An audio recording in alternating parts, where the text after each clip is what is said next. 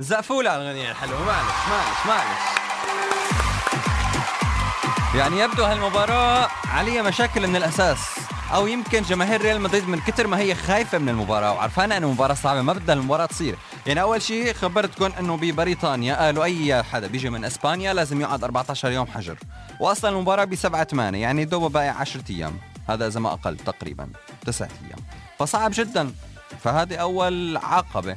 ولكن لحد هلا ما طلع تصريح شو رح يصير بالمباراة. غالبا المباراة رح تكون بوقتها. اللي صار بعدين إنه احد لاعبين ريال مدريد واللي هو اللاعب ماريانو دياز هو مش لاعب أساسي ولكن لاعب ضمن ريال مدريد. يعني بقلب الفريق. يعني أصحابه هن اللعيبة نفسهم والمدرب نفسه. انصاب بفيروس كورونا. فبالتالي بدأت الشكوك إنه طب شو رح يصير؟ كيف هيدا الفريق رح يقدر يسافر ويلعب مباراة؟ ممكن يكون في حدا من عدا أصلا من الفريق غير ماريانو دياز. ممكن يكون ماريانو دياز ماريانو دياز اختلط بعدة لاعبين. فبدهم يسافروا على بريطانيا بدهم يعدوا السيتي فالقصة غريبة عجيبة.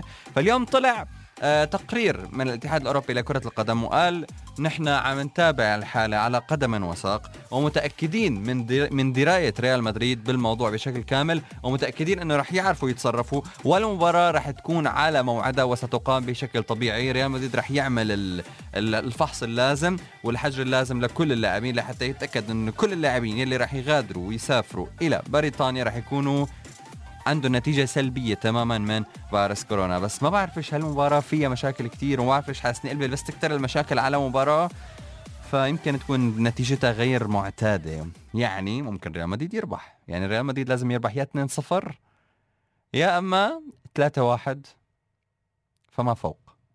أو 3-2 مثلا 4-3 يعني ممكن يا جماعة والله أنا حاسسها صعبة بس إنه والله ممكن. كل شيء وارد. إذا برشلونة خسر بالأنفيلد بالأربعة صح ولا لا؟